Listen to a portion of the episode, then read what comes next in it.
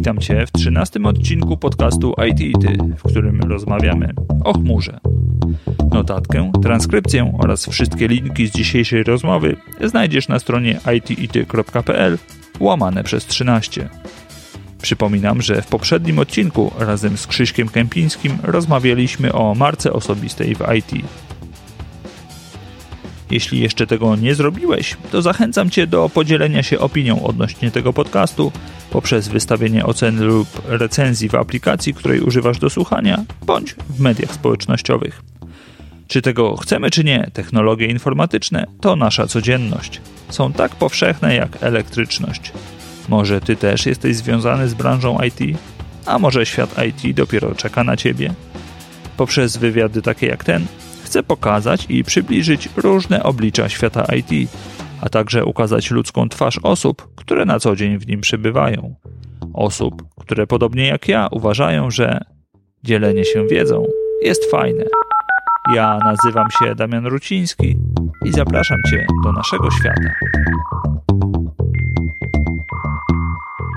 Leitmotivem dzisiejszej rozmowy jest temat rzeka, czyli chmura, o tym, czym ona jest, jakie niesie za sobą korzyści, ale i niebezpieczeństwa oraz jak rozpocząć z nią przygodę, opowie nam DevOps, specjalista od chmury Amazonu, z mocnym backgroundem w rozwiązaniach on-premise, Tomasz Leśniewski, prywatnie szczęśliwy mąż i ojciec, który łamie stereotyp zramolałego informatyka poprzez regularne wizyty na siłowni.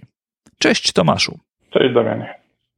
Zanim przejdziemy do głównego tematu naszej dzisiejszej rozmowy, to proszę cię, abyś podzielił się ze mną tym, czy słuchasz podcastów i jeśli tak, to, to jakbyś mógł podać jakąś listę. Niestety nie słucham podcastów, gdyż zazwyczaj wygląda to tak, że gdzieś znajdę jakiegoś fajnego linka z tematem, który potencjalnie mnie interesuje, obejrzę, że posłucham 5-10 minut bo zazwyczaj słucham w trakcie pracy albo robienia czegoś i tak się zajmuję pracą, że przestaję słuchać i zapominam o tym, co słuchałem. Więc niestety Aha. jest to skazane na porażkę w moim przypadku i, i rzadko kiedy słucham tych podcastów, Aha. bo nie mam na tyle wolnego czasu, żeby poświęcić się temu na 100%. Mhm. No ja sam, e, o, no wiesz, na, na każdego przyjdzie pora. Zacznie się dowożenie dzieci do szkoły, to wtedy będziesz miał czas. Ja w ten sposób głównie, y, głównie znajduję czas na słuchanie, bo też próbowałem podchodzić do tego tematu, że robiąc coś, y, słuchać jakiegoś, jakiegoś odcinka, ale no niestety to, to są dwie rzeczy, których e, nie da się pogodzić. Przynajmniej w moim przypadku i w, w tej pracy, tak, którą, którą wykonuję jako, jako pro, programista, no to, to, to są dwie rzeczy, które e, faktycznie się gryzą. E, mm, natomiast mm, kiedy się w ogóle rozpoczęła Twoja przygoda z komputerami? Pierwszy komputer dostałem, jak miałem 6 lat. Było to Commodore 64 ojciec pewnego dnia przywiózł taki piękny komputer i zaczęło się ciupanie w gierki na Commodore 64, podłączony do czarno-białego telewizora. A potem gdzieś dorwałem takie czasopismo Commodore and Amiga. Tam były listingi w Basicu napisane na samym końcu gdzieś i, i zacząłem je przepisywać. I, I robiły coś dziwnego na ekranie zazwyczaj jakieś kolorowe kwadraciki wyświetlały albo jakieś proste gierki. I to było około 93 roku, jakoś tak chyba. Mm. Dawno temu. No niestety potem była długa przerwa, bo po tym Commodore 64 wszyscy mieli już pecety, a ja pc dopiero nabyłem w pierwszej klasie liceum. Taka długa przerwa była, niestety. Chociaż na zajęciach z informatyki zawsze chodziłem na jakieś dodatkowe zajęcia i coś tam już dubałem jakieś dziwne rzeczy, których połowa ludzi nie rozumiała, mimo że nie miałem komputera. Ale to, to Commodore cały czas miałeś w domu, no tak? Tak, tak, Czy... tak. Na Commodore coś tam no. spróbowałem. Mhm. Mhm. Okej, okay. dobra. Ale wiesz, zazdrościłem, że inni mają normalnego blaszaka no. na, takim, na takim Commodore. No. Wiesz co, no ja też zanim pojawił się u nas komputer e, w domu, jak mój brat poszedł na studia, e, to było gdzieś no nie wiem, siódma, czy, czy, czy, czy jakoś tak klasa szkoły podstawowej, no to już wiedziałem, że ten komputer ma się pojawić, to, to go wszędzie widziałem, w reklamach telewizyjnych, gdzieś e, w, w, w jakichś filmach, czy, czy coś takiego zwracałem na to uwagę, jakoś gdzieś też taka, e, taka, no, była chęć posiadania tego magicznego sprzętu, który będzie służył nie wiadomo do czego, a na początku to wiadomo do czego. No tak, na etap grania też przeszedłem, ale zazwyczaj były to mhm. jakieś gry strategiczne albo RPG. Aha. Jakoś strzelanki nigdy mnie nie interesowały za bardzo. Mhm. Okej. Okay. Wracamy do, e, do dzisiejszego tematu, do, e, dookoła którego będziemy krążyć, jak samolot, bo rozmawiamy dzisiaj o chmurze. E, prosiłbym Cię, abyś na początek spróbował zdefiniować, co to jest ta chmura. Chmura to jest takie magiczne miejsce, które nikt nie wie jak działa i wszyscy tam coś robią. Wrzucają tam dane i mówią, że to jest super ekstra bezpieczne i wydajne i się skaluje i nie trzeba nic robić i, i w ogóle to się samo robi, jest ekstra. Tak naprawdę to jest ten sam serwer, który stoi gdzieś tam w serwerowni, tylko go nie widzi. Tak bym to pięknie powiedział. Mhm. Okej. Okay. A e, czy mógłbyś podać jakieś e, przykłady? Co, co na przykład użytkownik, bo mówisz, że, że nie widzi tego komputera, to tak, taki zwykły człowiek, gdzie ma na przykład kontakt z, z chmurą? No pewnie teraz większość osób korzysta z, e, nie wiem, jakiejś przestrzeni do, do mm, trzymania plików, jakiegoś OneDrive'a albo nie, ja w sumie mam swoje, więc no, nie, nie wiem, jakie są takie komercyjne, ale pewnie taki najprostszy przykład to e, taka chmura do trzymania danych, ten OneDrive mhm. To pewnie mhm. większość, większość ludzi kojarzy. Mhm. No jasne. Czyli mm, chmura to w zasadzie nic innego jak, e, jak taki serwer, którym tak na dobrą sprawę nie musimy jakoś tam fizycznie zarządzać, tak?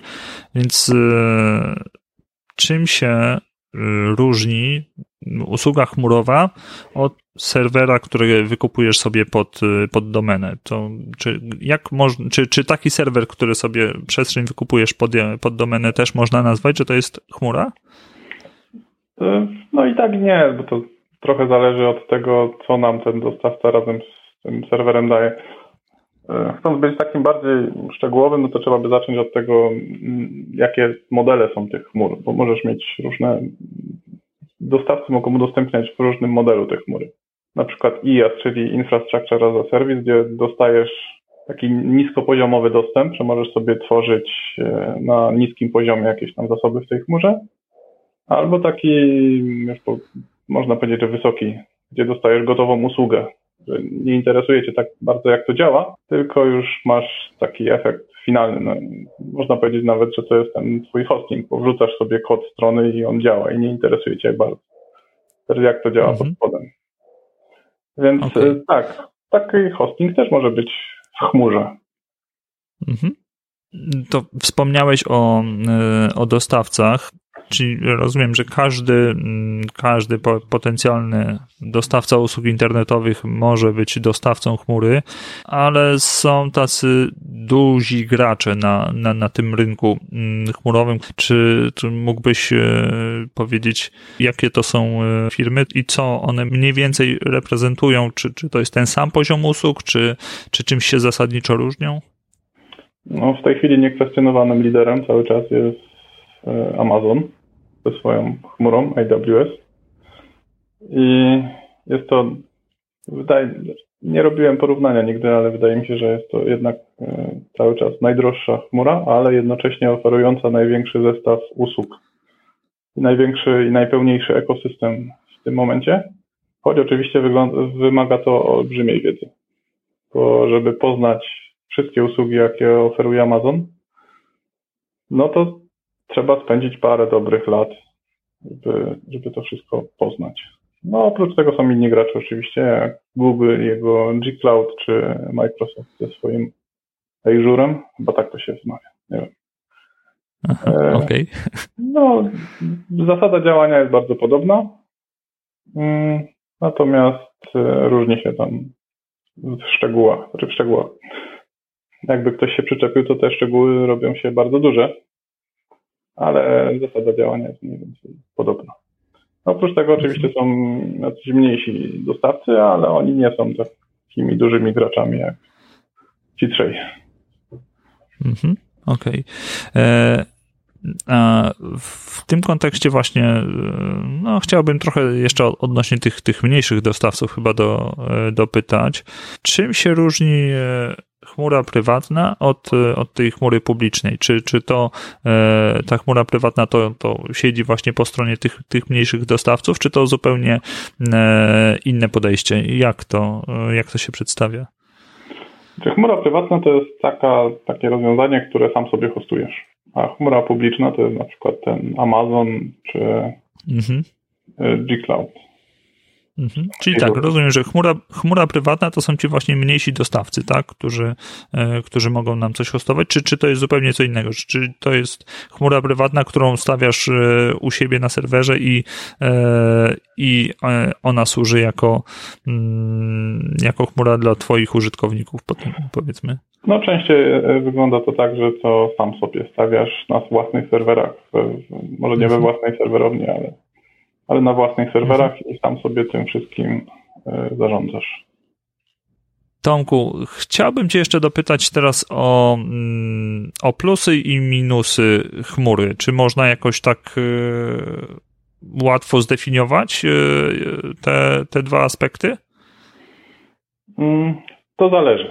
To zależy, czego oczekujesz od tej chmury. Natomiast chmura daje Ci dużą swobodę w skalowaniu zasobów na przykład, bo w takim tradycyjnym podejściu, gdzie kupujesz sobie serwer i na nim sobie coś tam stawiasz i pracujesz, może przyjść taki piękny dzień, kiedy twój biznes będzie miał ruch o 400% większy i twój serwer przestanie działać tak, jak działał do tej pory, bo mu zabraknie zasobów. Dzięki chmurze możesz sobie trzema kliknięciami dołożyć zasobów i twój biznes dalej działa. Oczywiście więcej za to zapłacisz, bo więcej zasobów zużywasz. E, ale twój biznes dalej działa. Mhm. To jest jedna bardzo ale... duża zasada. To jest bardzo duża, duży plus. Kolejnym no plusem no tak, jest ale to, potencjalnie, no? i, potencjalnie jeśli masz y, większy ruch, to oznacza, że, że też masz większe przychody, tak? Więc tutaj nic tylko zyskujesz. No tak, tak. tak. Mhm. E, kolejnym plusem jest to, że nie musisz się skupiać na przykład na e, stawianiu tego serwera i administrowaniu nim, bo możesz sobie w takiej chmurze wykupić gotową usługę, która potencjalnie robi dokładnie to, czego potrzebujesz. Masz jakąś aplikację, która wymienia jakieś dane, więc musisz sobie postawić na przykład jakiś e, serwer, który będzie służył za kolejkę do tych danych. Musisz nim administrować, musisz go monitorować, aktualizować, a na przykład w Amazonie możesz sobie kupić taką usługę kolejki i tylko wrzucasz do niej dane i odbierasz z drugiej strony i tyle. Właściwie nie musisz się martwić o to, jak to działa pod spodem, bo ty wiesz, że tu masz e, adres, na który wrzucasz te dane i, i tyle. I jak masz większy ruch, to to samo się pod spodem skaluje. Tyle. Nie musisz się tym martwić. Resztę mhm. swoich sił przerobowych możesz poświęcić albo na dewelopowanie swojej aplikacji, albo na marketing, albo na to, co, co potrzebujesz. Nie, nie martwisz się o to, co tam jest pod spodem.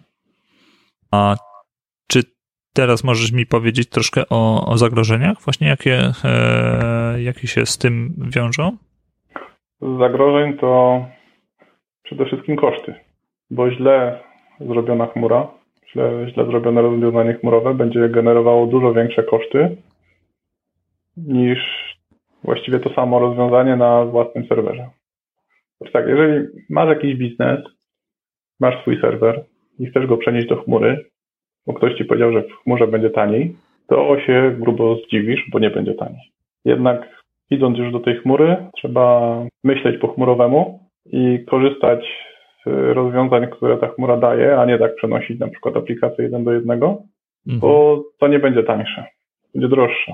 Hmm, więc trzeba to dobrze przemyśleć. I to jest chyba największe zagrożenie takie ślepe wierzenie, że chmura jest super fajna i tania i samo się zrobi. Tak, i że rozwiązuje wszystkie problemy świata, tak? tak? Mhm.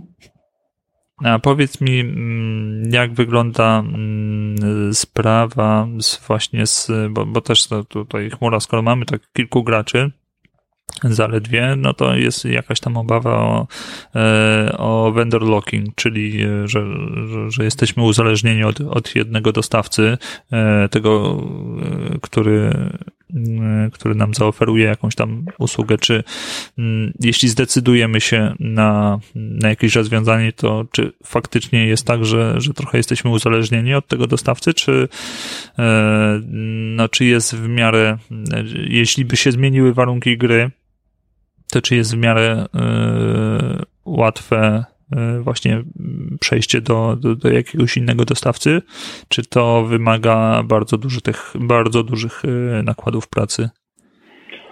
No właśnie nie jest tak różowo, bo możemy się mocno zamknąć w jednym ekosystemie i ciężko będzie się przenieść do innego, bo o ile takie korowe koncepty chmur są podobne, czyli mamy na przykład mamy jakąś aplikację, wystawiamy ją dla klienta, więc z przodu mamy jakiegoś CDN-a, który kaszuje nam treści potem mamy jakiś load balancer, który będzie rozrzucał ruch na serwery, które będą serwowały dynamiczne treści i w każdej chmurze właściwie wygląda to podobnie, to już szczegóły implementacyjne tego są na tyle różne, że nie przeniesiemy tego w 5 minut, na przykład z Amazona do Google Clouda.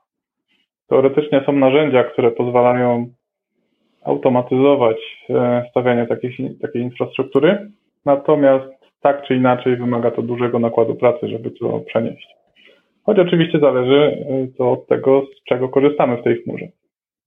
Bo na przykład taki e, storage obiektowy, czyli amazonowy S3, ma wiele odpowiedników o takim samym API. Więc tu, tu na przykład można by się przenieść z AWS-a do e, innego rozwiązania bez większego problemu na przykład. Mhm. Okay. Wszystko, wszystko zależy od tego, z czego korzystamy w tej chmurze. Mhm. A co w kwestii samego bezpieczeństwa danych? Czy, czy tutaj możemy się e, czuć jakoś bezpieczni o, o te nasze dane, które gdzieś tam są właśnie e, przechowywane no, czy, czy tu jakaś obawa z tej strony y, powinna jednak być? Pytasz w kontekście tego, czy te dane ktoś może nam ukraść, czy w kontekście Nie. tego, że te dane ktoś będzie przetwarzał bez naszej wiedzy, na przykład Amazon czy e... Google? No, bardziej właśnie w tym, w tym drugim kontekście, no bo ten, ten drugi, no chociaż w zasadzie obydwa są e, dosyć istotne, ale aczkolwiek ten, e, ten drugi wydaje się być, przynajmniej z mojego punktu widzenia, chyba bardziej istotny. Gdzieś, gdzieś ta, e, ta właśnie prywatność, tak? Większość dostawców chmurowych tych wielkich graczy nie ma infrastruktury w Polsce.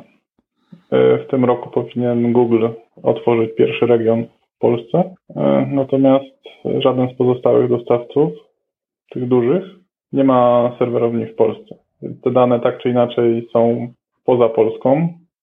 Mm, można w AWS-ie powiedzieć, że mają się zamknąć w obrębie Unii Europejskiej, że nie mogą być przetwarzane na przykład w Stanach Zjednoczonych. Mhm. E, ale są teorie spiskowe, że że one i tak mogą zostać przetwarzane w jakiś sposób. Mm -hmm. Niestety okay. tu możemy tylko mm, wierzyć, że e, one nie są przetwarzane w żaden sposób taki, jaki nie chcemy, żeby były przetwarzane. Mm -hmm. okay. oprócz, oprócz, oprócz tak naprawdę zapewnień dostawców, ale to w każdym innym przypadku jest ta sama sytuacja, że mm -hmm. tak. dostawca nas zapewnia dopóki... i, i wierzymy mu.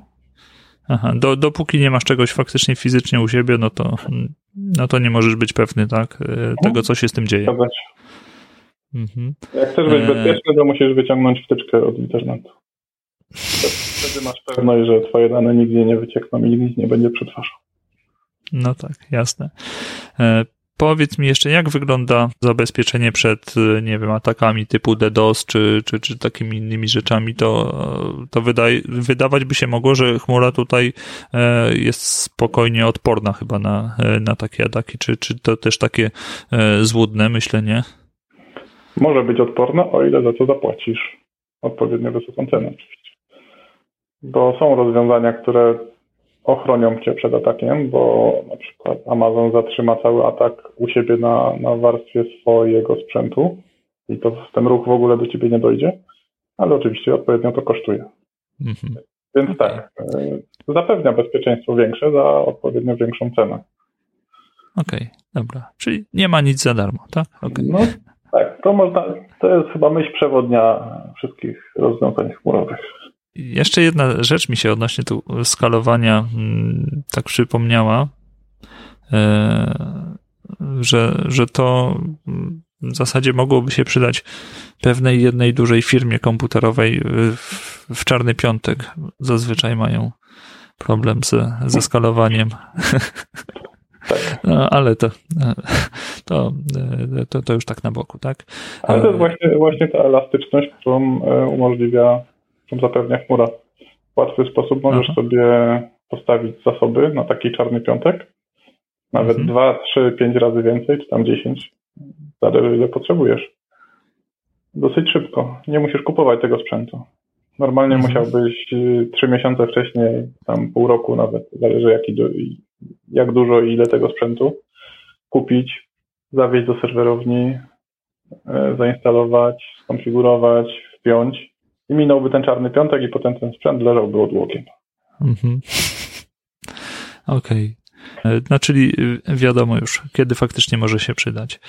A powiedz mi, jak, jak wygląda mm, w ogóle mm, rynek pracy mm, związany z chmurą? Jak na czym polega specyfika e, tego zawodu?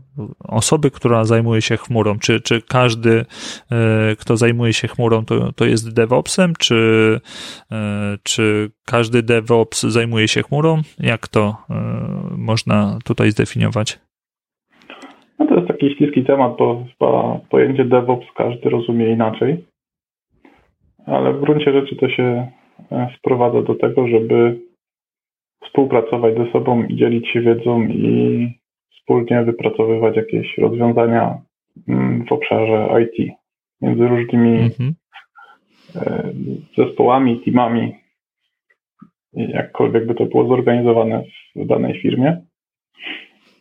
E, czy każdy DevOps pracuje w chmurze? Pewnie nie, bo nie każda firma ma rozwiązania w chmurze.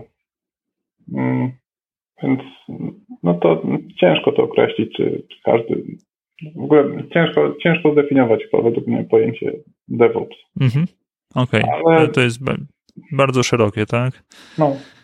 Natomiast jeśli chce się pracować jako DevOps, czy nie podoba mi się takie określenie, no to pasowałoby mieć dosyć szeroką wiedzę z różnych e, zakresów IT.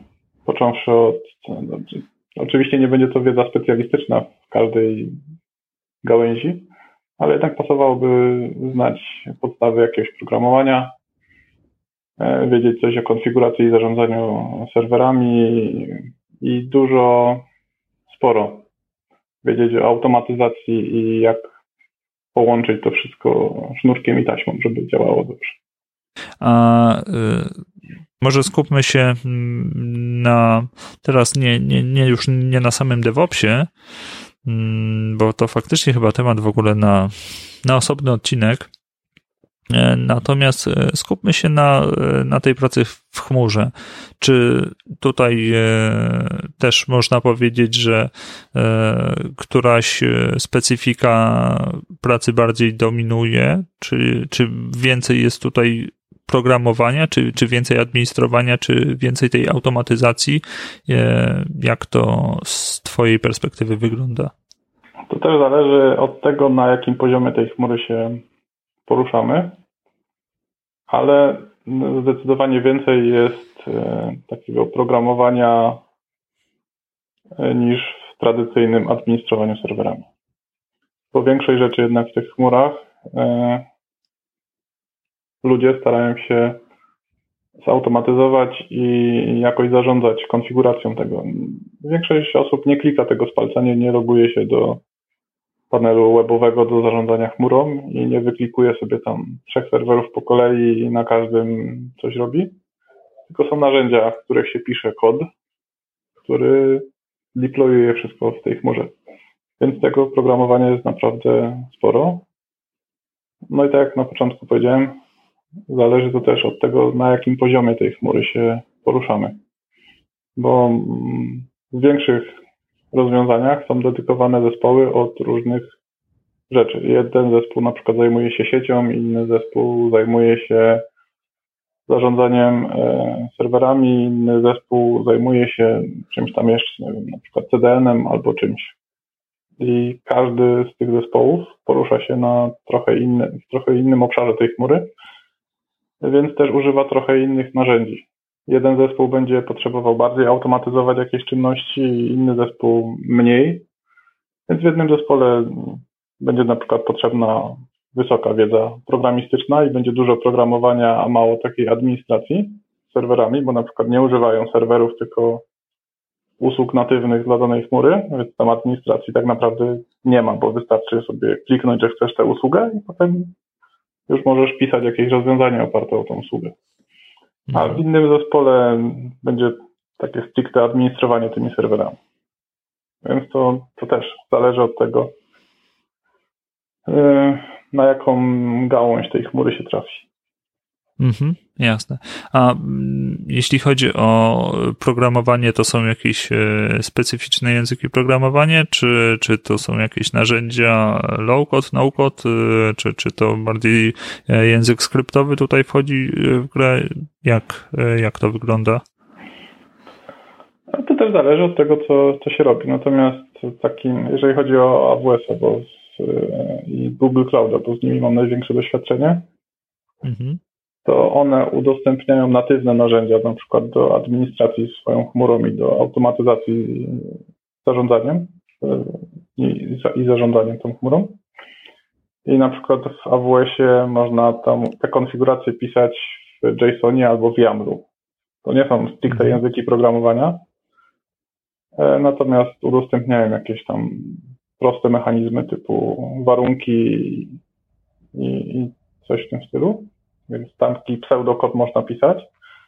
Mhm. E, a z drugiej strony powstają takie open source'owe alternatywy, jak na przykład Terraform, który już no, prawie jest językiem programowania, bo posiada i struktury danych, i pętle. E, oczywiście taki trochę okrojony język programowania, ale, ale już to wygląda prawie jak programowanie. Mhm. E, a z trzeciej strony powstają też narzędzia, które, w których się po prostu pisze e, kod. Na przykład można pisać za pomocą AWS-owego SDK w Pythonie kod do deployowania infrastruktury albo w, nie wiem, w Go na przykład. Mhm. Więc e, zależy od tego, kto jaki miał background, bo pewnie programista, który bardzo dobrze programuje w jakimś języku, wybierze SDK i w nim będzie pisał, a taki e, na przykład administrator który zaczynał w latach 90., który zna bardzo dobrze Basha, może sobie to oskryptować w Bashu, korzystając z narzędzi konsolowych. Mhm. To też będzie działało i będzie robiło dokładnie to samo. Okej, okay, czyli nie, nie ma tutaj jakiegoś e, zamknięcia, tak, trzeba dostosować po prostu sobie e, narzędzie to, to do, do, swoich potrzeb, to, to co potrafimy, mhm. to z tego możemy korzystać. Mhm. No tak, dla każdego e. znajdzie się coś miłego. Mhm, super. E, powiedz mi, jak e, w ogóle przedstawia się sytuacja, jeśli ktoś e, chciałby rozpocząć przygodę mm, właśnie z chmurą? Czy, czy najpierw powinien właśnie zgłębić tą, tą wiedzę, te jakieś podstawy szerokie z, z różnych dziedzin, czy to programowania, czy administrowania, czy też jest taka możliwość, żeby od razu wejść do chmury i uczyć się w chmurze tych, tych podstaw? Znaczy można połączyć jedno z drugim, chociaż e, taka podstawowa wiedza z zakresu IT, no nie ukrywam, że bardzo by przyspieszyła ten proces. Jeżeli ktoś ma jakieś podstawy w IT, nie wiem, w programowaniu, skończył jakieś studia informatyczne, będzie mu dużo łatwiej na pewno. Ale taki totalny laik korzystając z materiałów ogólnie dostępnych czy na YouTubie, czy na jakichś blogach, myślę, że też sobie poradzi, choć odpowiednio wolniej, bo musi jeszcze poznać masę innych rzeczy. Wydaje mi się, że mając e, background w e, chmurach jakichkolwiek lub jak większe obycie w IT, można się spokojnie we własnym zakresie doszkolić, jeżeli się nie ma jakiegoś większego obycia z chmurami, bo materiałów jest mnóstwo w internecie i zawsze można gdzieś jakąś pracę znaleźć. Natomiast jeżeli aplikuje, chcielibyśmy aplikować na e, jakieś bardziej zaawansowane stanowisko wyższego stopnia, no to ten background już by się jakiś większy przydał.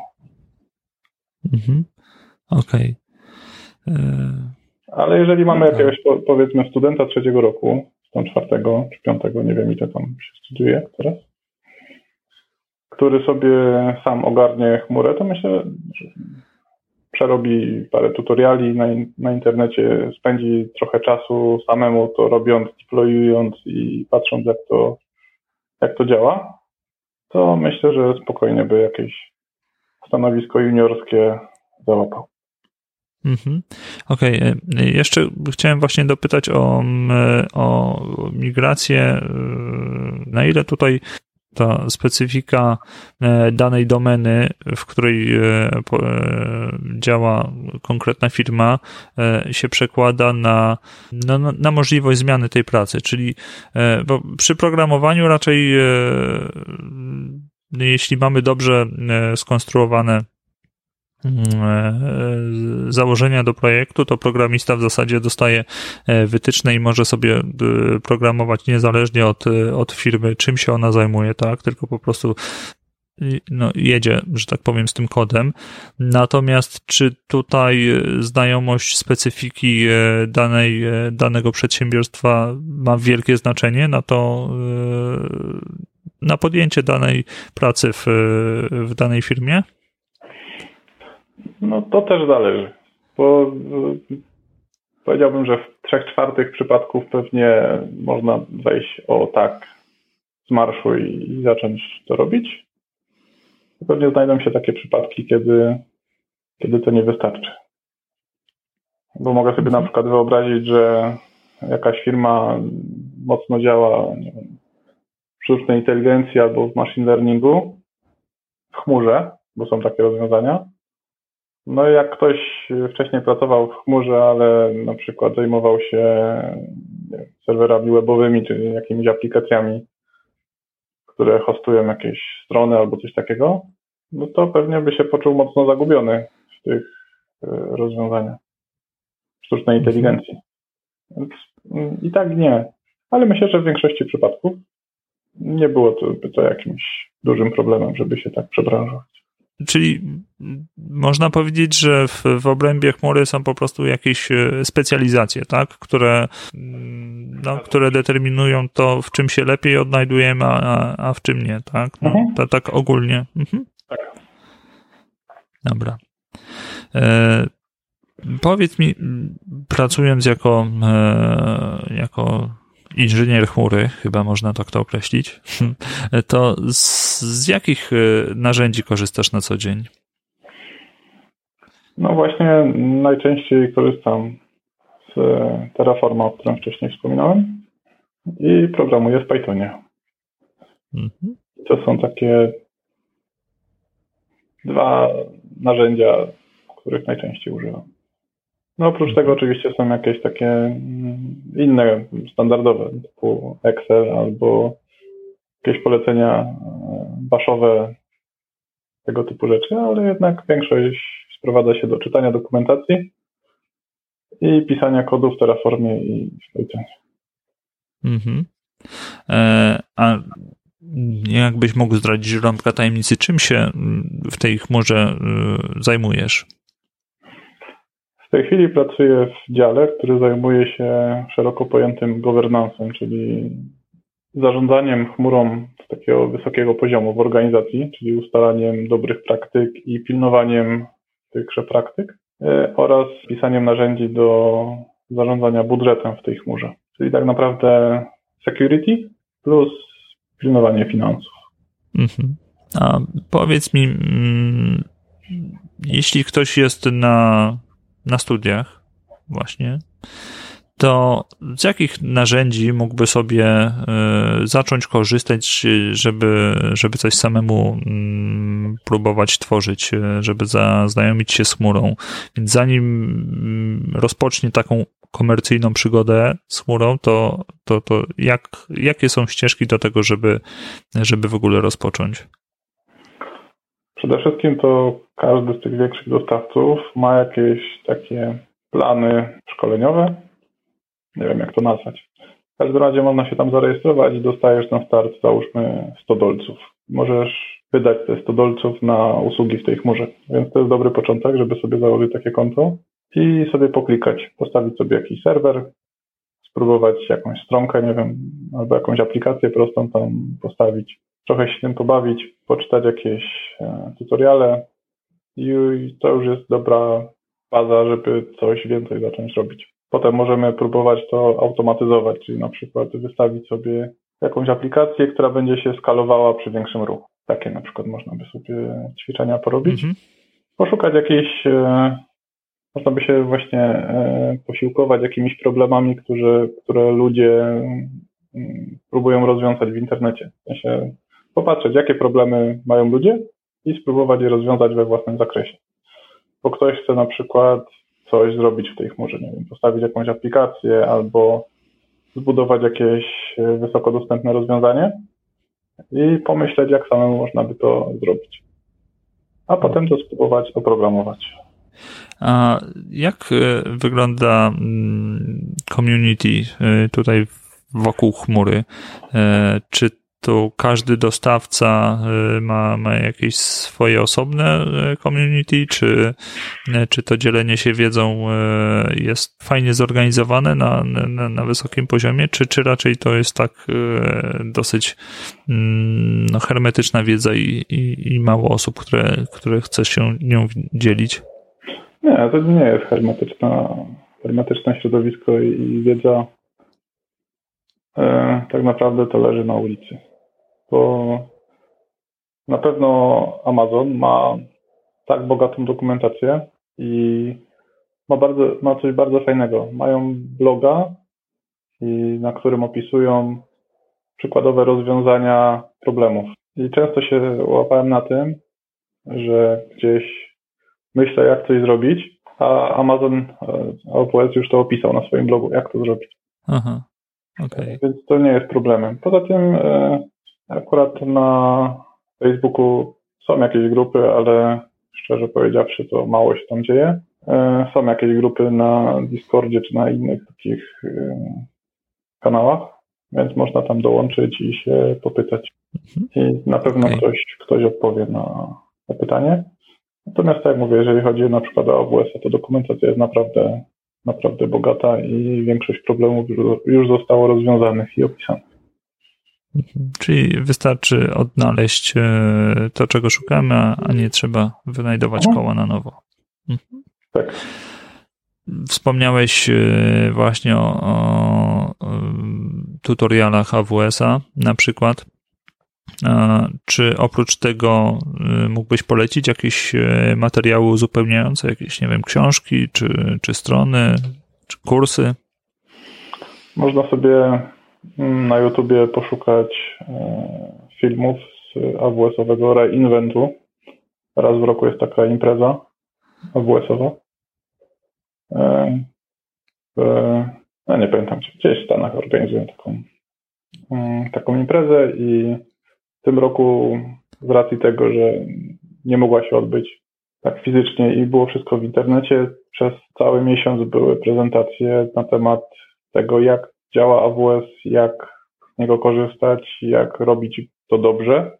Na YouTube można sobie poszukać, e, wpisać reinvent i wyskoczy myślę, że tysiące godzin materiałów, które można oglądać i, i czerpać z tego wiedzy. Mhm. Okej. Okay. Dobrze, myślę, że w jakimś stopniu przybliżyliśmy tą, ten temat chmury. Ja się troszeczkę od ciebie dowiedziałem. Mam nadzieję, że, e, że słuchacze też, że jest tutaj coś, coś, każdy znajdzie dla siebie coś odkrywczego. Powiedz mi jeszcze, Tomku, e, gdzie można ciebie znaleźć, gdyby ktoś chciał się z tobą skontaktować? Hmm. Można mnie znaleźć na LinkedInie. Mhm. Okej, okay. czyli LinkedIn jako y, pierwsze miejsce do, do poszukiwania kontaktu z Tomkiem. Tak, myślę, że tak będzie najlepiej. Okej. Okay. E, także Tomku, jeszcze raz wielkie dzięki za to, że, że zgodziłeś się porozmawiać i, e, i poświęciłeś swój czas na to, żeby, żeby przybliżyć nam e, zagadnienie chmury. A na koniec proszę Cię jeszcze o jakiś dowcip, suchar, anegdotę o informatykach. Pamiętam taki, że jest 10 rodzajów ludzi. Ci, którzy rozumieją język binarny i ci, którzy nie rozumieją.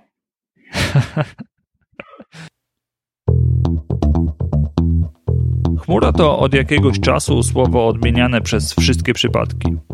Dziś udało nam się zaledwie liznąć tematu, który zasługuje pewnie na cały osobny podcast. Z pewnością udział chmury w budowanych rozwiązaniach będzie się zwiększał, dlatego warto zainteresować się nią, zarówno jeśli jesteś administratorem lub programistą, jak również jeśli upatrujesz w tej technologii szansę na rozwój swojego biznesu. W tym drugim przypadku pamiętaj jednak, żeby najpierw przeprowadzić dogłębną analizę, zanim podejmiesz konkretne decyzje, które później mogą okazać się dosyć kosztowne. Jeśli spodobał Ci się ten odcinek, nie krępuj się, podziel się nim ze znajomymi.